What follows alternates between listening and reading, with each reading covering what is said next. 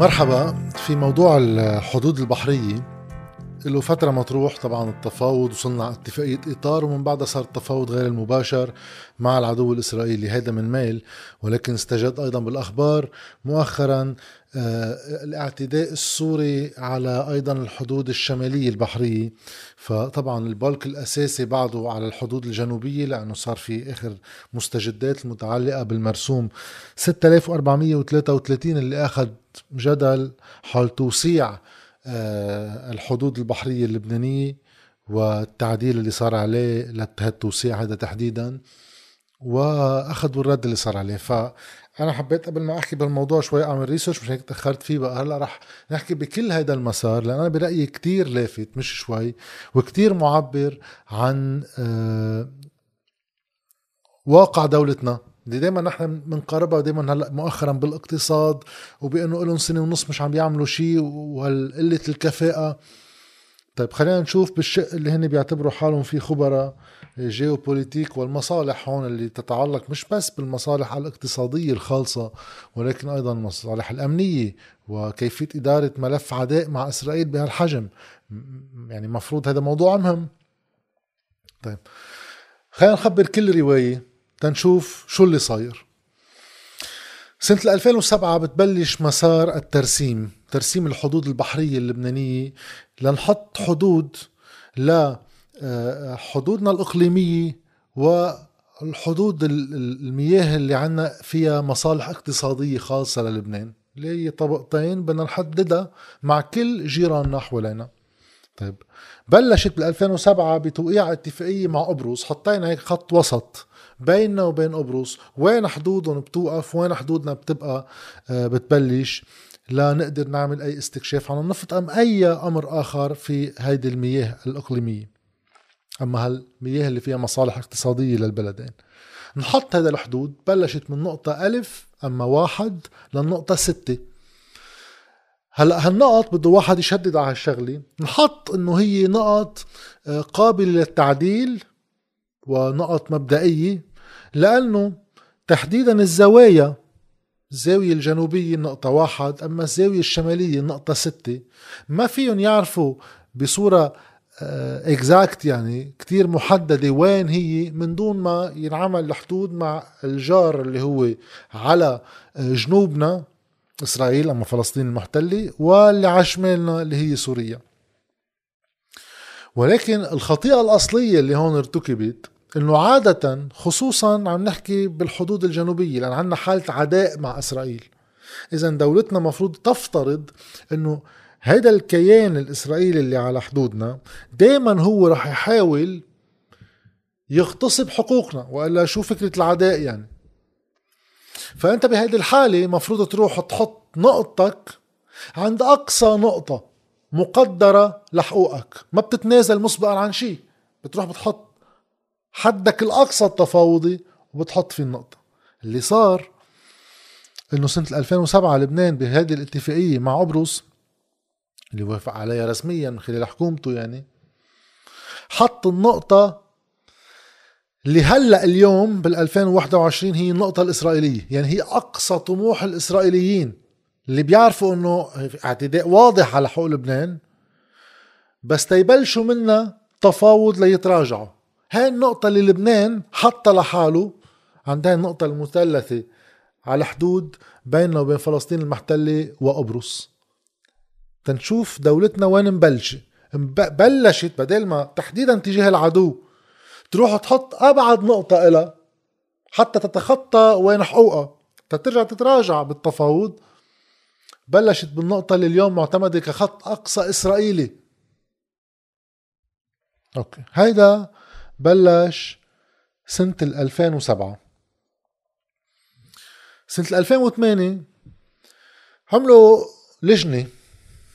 حلو إنه هاللجنة انعملت من بعد ما حطوا هيدي الحدود يعني ماشي الحال هذيك بال 2007 عملوا لجنة حكومية فيها عدد من الوزارات المعنية وزارة الدفاع آه، وزارة العدل وزارة الأشغال الخارجية وغيره لا يكملوا الترسيم. هالمرة بدنا نكمل الترسيم بس مزبوط بدنا نبلش من البر تنشوف الخط الفاصل على حدودنا ونرجع نوصل لهالنقطة بيننا وبين قبرص اللي هي بالبحر. وين بتصير؟ فبيعملوا خط آخر بيصير هو الخط 23 بيتسمى. هيدا اللي اليوم مش اليوم امبارح يعني قبل قصة هلأ تعديل المرسوم 6433 كان معتبر هيدا هو الخط الرسمي اللبناني تعدل ونزاد على المساحة اللي كانوا حاطينها بالخط رقم واحد اللي هو الخط الإسرائيلي اليوم. زدنا نحن كدولة لبنانية 860 كيلومتر مربع. هيدي اعتبرناها لأ الرقم واحد كان خاطئ هيدا هو الرقم الصحيح. بال 2010 صار في تبليغ مبدئي للأمم المتحدة بهيدا الخط إنه هيدي هي حدودنا المبدئية. آه، آه، وطبعا كمان في إشارة إنه هاي يمكن تعديلها لأنه تقني تقنيا وقانونيا لم تتوفر كامل المعطيات بعد ولكن عم نعمل ابديتنج على الخط المبدئي السابق. بعد خمسة أشهر من هذا الموضوع بيتجه العدو الإسرائيلي لايضا يرسم حدوده مع قبرص. كيف نحن بلشنا؟ وبينطلق من الخط اللبناني الأول اللي قلت لكم هذا صار الخط الإسرائيلي هون صار الخط الإسرائيلي وبيعتبروا مزبوط عند نقطة واحد تنتهي الحدود اللبنانية وبيرسموا حدودهم انطلاقا منها. وصار في من بعد هذه خمسة أشهر إلا من بعد هيك الابديتنج اللبنانية صار في هلأ النزاع على 860 كيلومتر مربع بين خطين مبدئيين حطتهم الجهتين. طيب. لاحظوا هلأ لوين بتروح القصة. وتنشوف حتى هذا الخط 23 هل هو يحمي حقوق لبنان؟ هل الدولة اللبنانية كانت عندها تقدير آه، عميق؟ وعلمي لوين حدودها ولمستقبل النزاع مع إسرائيل لأنه أكيد بده يصير في نزاع حدودي مع دولة. على البر عندنا نزوح حدودي معها وما في بغاز ولا في, في احتمال وجود آه، آه، نفط. كيف إذا في هالاحتمال؟ لازم دولتنا اللي تتربص بالعداء لإسرائيل تكون دائما براسها. إذا عم نحكي جيوبوليتيك وأمن وسيادة عندها هيدي الفكرة. كيف تحصنها مستقبلا من خلال القوة التفاوضية وربما أشكال أخرى. سنة 2011 تطلب الحكومة آه، من المكتب الهيدروغرافي البريطاني UKHO يعملوا دراسة تيحددوا علميا لأن هذا المكتب مختص بهيدي العمليات ليعملوا دراسة ويحددوا الحدود الفعلية للمياه الإقليمية اللبنانية والحدود البحرية. مع فلسطين المحتلة. بهيدي الدراسة عم نذكر إنه هاي ب 17 8 2011 بآب ل 2011 التواريخ مهمة بس تشوفوا تتابعوا الأحداث لاحقا. بحطوا إنه هيدا الرقم 23 في عيوب تقنية وقانونية كتيرة. بيلغي وبيقترح خطين. الخط الأول بيعطي 300 كيلومتر مربع. إضافي للخط 23 تبعنا يعني. ولكن أيضا بيعتبر إنه في عيب هيدا الخط. لأنه بيحسب بياخد بعين الاعتبار. الجزر الواقعة قبالة الشط الفلسطيني هلا رح أحكي عنها. بس تا واحد يكون بهيك فكرة عامة. كيف بيترسم الحدود البحرية؟ بيتاخد نقط مبدئية من البر بيعتبروها الحدود القارية للدول وبيتاخد فيها مسار بالبحر. بياخد بعين الاعتبار إذا في جزر إذا ما في جزر حجم هالجزر يعني إذا في عنده واحد جزيرة كتير صغيرة مش معقول تأثر بكميات كتير كبيرة. فهون بصير في شيء تقديري في له قانون دولي بينظمه. وبدك بدك تاخذ أنت كمان بعين الاعتبار بقية الدول اللي معقول تشكل حدودك حدود مياهك اللي عندنا نحن قبرص وحدودها وغيره. طيب هون لكن في أول خط إجوا قالوا هذا 300 كيلومتر. بس هيدا منه منصف لأنه أخذين بعين الاعتبار جزر كتير صغيرة. خلينا دغري بس نشرح عنها لبس واحد يعرف أي نوع من التفاوض نحن فيه. في قبالة الشاطئ الفلسطيني على حدودنا عند إسرائيل هلأ حاليا. شي مسميينه هن جزيرة؟ من خلالها هن عم بيطالبوا بقدم الحقوق اللبنانية. هالجزيرة اسمها تخليت تخلات اللي هي منا جزيرة هي صخرة صخرة عايمة بالبحر. والدليل إنه صخرة إنه هيدي الصخرة عرضها 20 متر وطولها 50 متر. طيب. هيدي شو فارقة علينا نحن وقتها؟ المؤسسة البريطانية لغيتها قالت خلينا نعتبرها منا موجودة.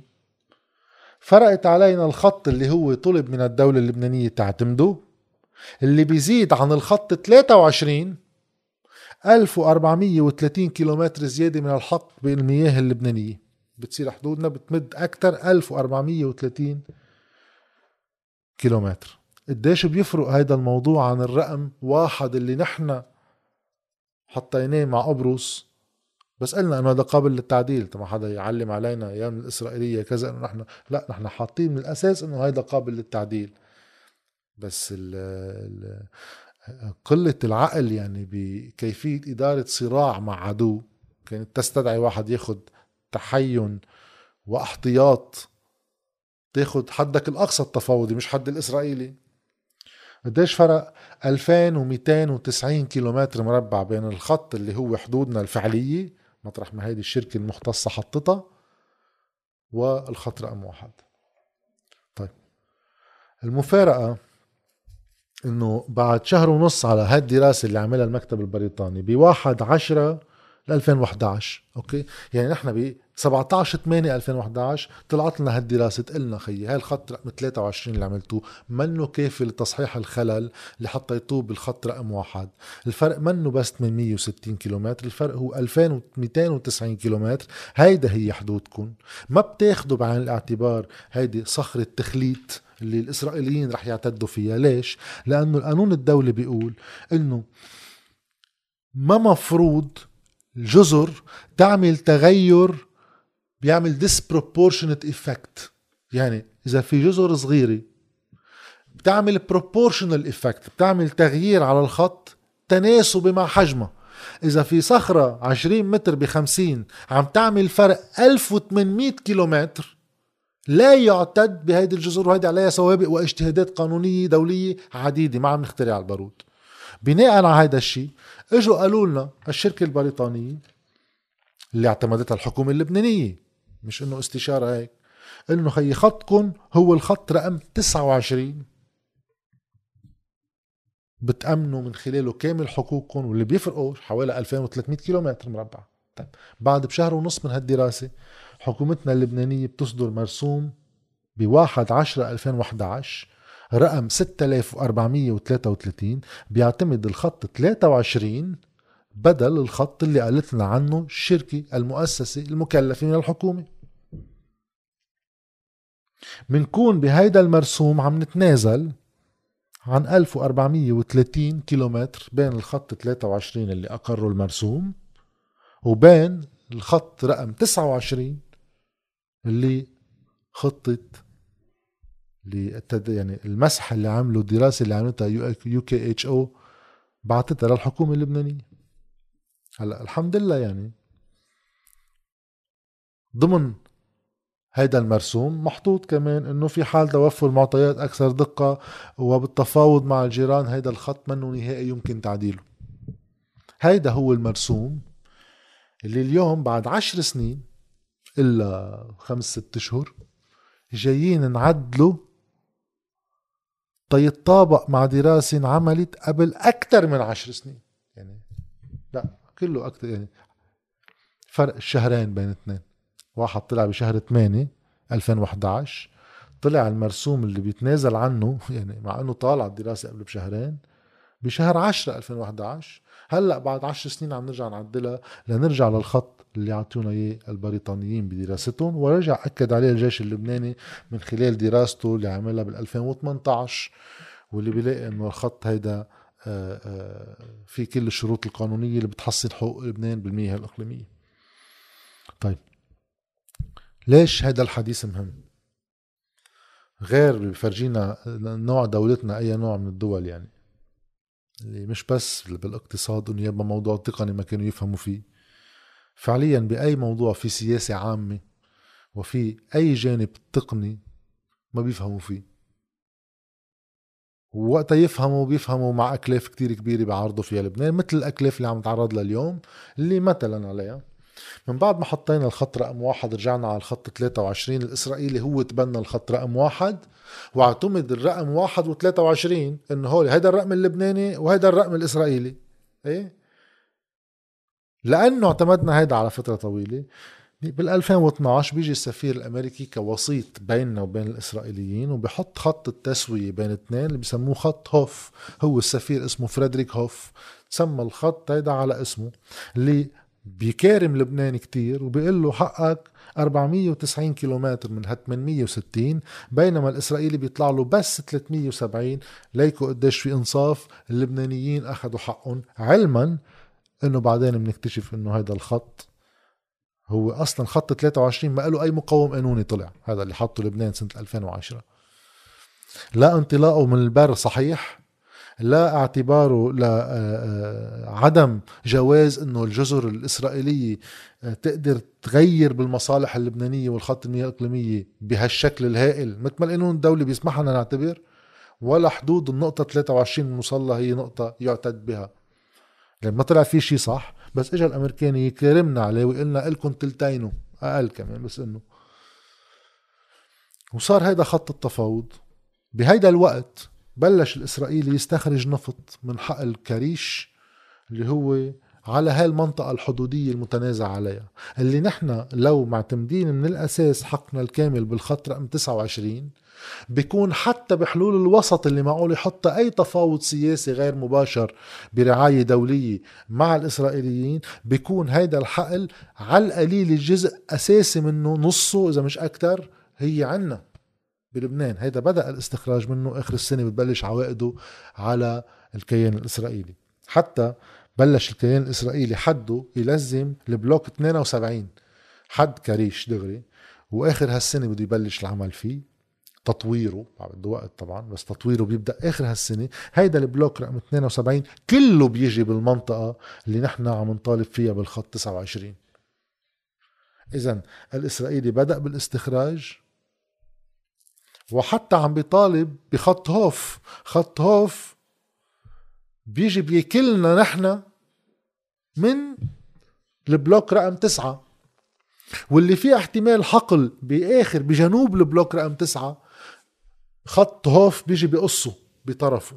أول ما يصير في أي خط دولي ولو تفاوضي بعده بقص حقول مفترضة فيها إحدى الدولتين تجي تتشكى وتقول وقفوا أي أعمال بهيدا البلوك. لحديت ما يكون خلص بت النزاع. اللي هو فيه طبيعي يخلص آخر شيء بالمحاكم الدولية لينبت هذا الواقع اللي نتج من آه الإدارة اللبنانية السيئة لكل ترسيم حدود وبنعرف تاريخنا بترسيم الحدود البرية ما بنفهم شيء من شيء لا نحن والسوريين ولا نحن والجنوب. وهلأ الحدود البحرية بشيء مش كتير أكثر كفاءة. الحلو إنه هلأ عم بينمضى المرسوم تينبعت تنلحق حالنا على البلوك رقم 72 إذا ثبتنا هلأ من بعد ما وقع مرسوم 600 6433 لنعدله ليبطل عند الخط 23 نوسع حدودنا لكامل حدودنا نزيد عليها ال 1000 تقريبا 400 كيلومتر مربع نوصل للخط 29 من خلال هيدي التوسعة اللي عم نعملها بنصير قادرين نطلب من الشركات اللي بدها تيجي تشتغل بالحقول 72 أما بكريش توقف بانتظار آه، بت النزاع. طبعا ما نشوف شو الردود بدها تكون وكيف بده يتصرفوا هذا منه أمر مبتوت. من جهتنا بلبنان يتكمل كيف وصلنا لهيدا؟ ليش هلأ عم نمضي؟ قبل بكم يوم من ما بلشوا إسرائيل آه، آه، العمل بالبلوك 72 فهلا عم نستفيد تنلحق حالنا لنجرب نطلب أبيل يوقفوا. بس ليش هلا قبل بكم يوم الجيش غير قصة الدراسة البريطانية المبعوثة للحكومة من سنة 2011 من قبل 2011 رجع الجيش اللبناني آه، بسنة 2018 عمل المسح البحري وأكد على الخط البريطاني وأرسل بموجبه طبعا النتائج. من 2018 أي متى حكومتنا الكريمة بتقرر تحطه على طاولة مجلس وزراء ب 27 12 2019 يعني من بعد ما استقالت حكومة الحريري تحت وطئة المظاهرات بالشارع هي بتصريف أعمال بعتتها ما في حكومة ما حدا ببتها. بترجع بتتألف حكومة جديدة لحسان دياب. حكومة حسان دياب بتحطها على جدول أعمالها ب 9 3 2020 يعني من سنة. وبعد سنة على وضع على جدول الأعمال ما انحطت على جدول الأعمال بس. وقعت من وزارة الدفاع فصارت عند مجلس الوزراء ننطر تنحط على جدول الأعمال لتقار بعد سنة لعم نقرها هلأ. خلال هذا الوقت كمان لأسباب هيك على الدولة اللبنانية وإنه في سلاح حزب الله وما في مركزية ما في ما في مركزية بالدولة اللبنانية يعني ما في إخبار قد ما بدكم. ملف التفاوض بيبقى من سنة 2013 يمكن بإيد رئيس المجلس النيابي اللي هو سلطة تشريعية كلف فيها. وأنهى آه، تفاوضه آه، مع الأمريكيين لحطوا شيء سموه اتفاق إطار يبدأ من خلاله الجانب اللبناني الرسمي يفاوض الإسرائيلي. وهيدا التفاوض مع الجن هذا وصلوا له بشهر 10 2020 عملوا أربع جلسات مع الإسرائيليين تفاوض آه، آه، الوفد المفاوض اللبناني حتى قبل المرسوم اللي هلأ عم بينمضى تا يعطينا كامل حقنا البحري. بلغ الأمريكيين والأمم المتحدة ليبلغوا الإسرائيليين إنه الموقف اللبناني بينطلق من الخط 29 وليس من الخط 23 هيدا وقف التفاوض بعد أربع جلسات وآخرها كان ب 11 11 2020 ومن وقتها معلق التفاوض ما عم بيصير أي تقدم. اليوم من خلال إقرار هيدا المرسوم عم نرجع نحدد ونرسله للامم المتحدة عم نحدد حدودنا الدولية المفترضة اللي طبعا تبقى رهن التفاوض لنشوف شو الحل اللي رح يوصل له الطرفين بالرعاية الدولية اللي عم بتصير؟ قبيل هذا الخط كله اللي شفنا تعثراته والإشكاليات اللي فيه نسمع خبرية من كم أسبوع إنه أيضا على حدودنا الشمالية سوريا لزمت بلوك رقم واحد عندها اللي هو بالجنوب السوري يعني عند الشمال اللبناني بيقضم من البلوكين اللبنانيين واحد واثنين سبعمية وخمسين كيلومتر مربع. وبتقوم القيامة طبعا هلأ مع السوريين في غير واقع. مع السوريين منا دولة في عداء. نحن بحاجة لوساطة دولية ليصير في آه، تفاوض غير مباشر بين اثنين. رسميا هلأ في كتير من اللبنانيين بيموتوا بسوريا وفي كتير ناس بيكرهوا سوريا كره أعمى. سوريا عم نحكي الدولة السورية يعني بشار الأسد مش سوريا. لا كشعب ولا كدولة بقيمتها المعنوية يعني. مع النظام السوري. بس رسميا الدولة اللبنانية عندها علاقة رسمية مع الدولة السورية في وزراء عم بيروحوا ويجوا عندنا سفارة سورية هون. طيب نكتشف إنه هيدا الخبر اللي اكتشفناه كيف نحن هلأ إنه سوريا ملز لزمت هو البلوك رقم واحد عندها اللي طاحش على البلوك اللبناني على البلوكين واحد واثنين اللبنانيين 750 كيلومتر لشركة روسية لتبلش تنقب عن النفط والغاز ويبلشوا المسار تبعهم. وهذا ال contrat عندهم أربع سنين فيه ليعملوا الأعمال التحضيرية. طيب بس هيدا وقتها نحن نكتشف هذا الموضوع. دولتنا الكريمة أكيد اكتشفته قبل هيك. مش ناطرين نحن قصة التلزيم لأنه في وقت رسموا البلوكات بيكون قبل بسنوات من التلزيم يعني لبنان رسم بلوكاته بال 2013 أي متى آه، توتال وأني ونوفاتيك أخذوا ال contrat ليبلشوا يعملوا استكشاف بالبلوك رقم 4 ورقم 9 بال 2018 19 و18 إذا في فرق خمس سنين. طب هلأ بسوريا عم عم يعملوا العقد مع الشركة الروسية. أي متى هذا الشيء معمول؟ نكتشف إنه أساسا الإشكال بلش إنه سنة 2011 وقت لبنان حط حدوده اللي هي حدود البحرية اللي على أساسها ترسموا البلوكات اعترضوا السوريين بمجلس الأمن مندوب بشار الجعفري اعترض على حدود ومشير إنه سوريا أودعت حدود حقوقها للامم المتحدة من سنة 2003 من وقتها لليوم بيختفي الموضوع لا يعالج. في الوزير جبران بيسير كان حاطط تغريده إنه هو قام ب 20 مراسله خلال السنوات آه، آه، الماضية. للدولة اللبنانية الحكومة اللبنانية ولا الجهات السورية وما صار شيء. طيب بس هذا شيء شو يعني ما صار شيء؟ بده يصير عليه معركة سياسية. إذا إذا المشكل عنا إنه نحن مجلس وزراء ما عمل شيء شيء هينة هي بتندار مفروض مفروض مع إنه اللي شفناه بالأداء تجاه العدو ما ببشر بالخير ابدا إنه هين هيك أمور بهيك هيك نوع دولة وبهيك شيء مرت عم بيدير هيك ملف معقد وخطر وفي مصالح استراتيجية بتمس بالأجيال اللاحقة. عم نحكي في غاز ونفط بالبحر غير الأمن والعداء مع إسرائيل. طيب كيف مع السوري؟ وكيف إذا ما رد السوري كيف نتفاوض معه؟ كيف نتصرف معه؟ إذا السوري هو الإشكال هو ما عم بيقرر إنه ما بده يفاوض الجهة اللبنانية ساعتها بنروح على المحاكم الدولية ومنبت النزاع بالاطر القانونية. بس بنتركه يتعلق ليبلش التلزيمات المضادة تصير يصير في شركة روسية بقلب سوريا وشركة تانية من قلب لبنان ويتطور هالنزاع ليتأخر الاستخراج للطرفين بينضروا سنوات.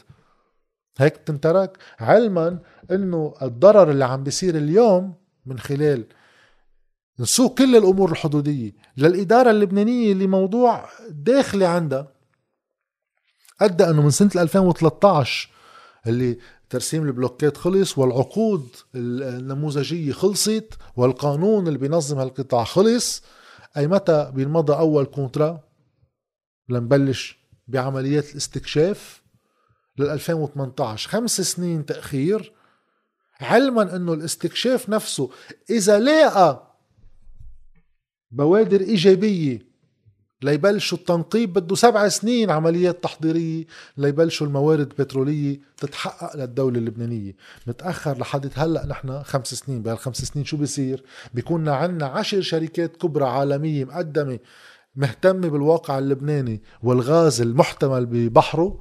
بتخلص آخر شيء بكونجلومرت واحد بتحالف واحد بدل عشرة. ليش نزلوا من العشرة للواحد؟ لأنه بهالخمس سنين بين 2013 لل 2018 نزل سعر برميل النفط من 140 دولار عند حدوده القصوى لصار بال 50 و 40 دولار. وقت ينزل سعر النفط العالمي الأرباح المتوقعة من الغاز المعقول يطلع من البحر بتنزل لأن سعره نزل. فاذا الاستثمار بمياه عميقة في مليارات الدولارات بصير أقل حماسة عليه الشركات الكبرى لأن بصير ريسكو أعلى. عم نحط استثمار كبير وأسعار هلأ النفط بالعالم منا عالية. لو عالية كنا بنحط استثمار. خسرنا تسع شركات بهالخمس سنين واليوم يمكن عم نخسر ما تبقى. من خلال هالإدارة العاطلة اللي بعد لليوم ما عارفين نحن Total شو طلع معها بالبلوك رقم أربعة غير إنه okay في potential بس ما في كميات تجارية. ليش ما رجعوا كفوا التنقيب بالبلوك رقم أربعة؟ okay في كورونا خففت قابلية الشركات كمان تكون عندها حماسة إضافية. وعندنا بس مشكلة بالجنوب ما عم نحلها بالبلوك رقم تسعة.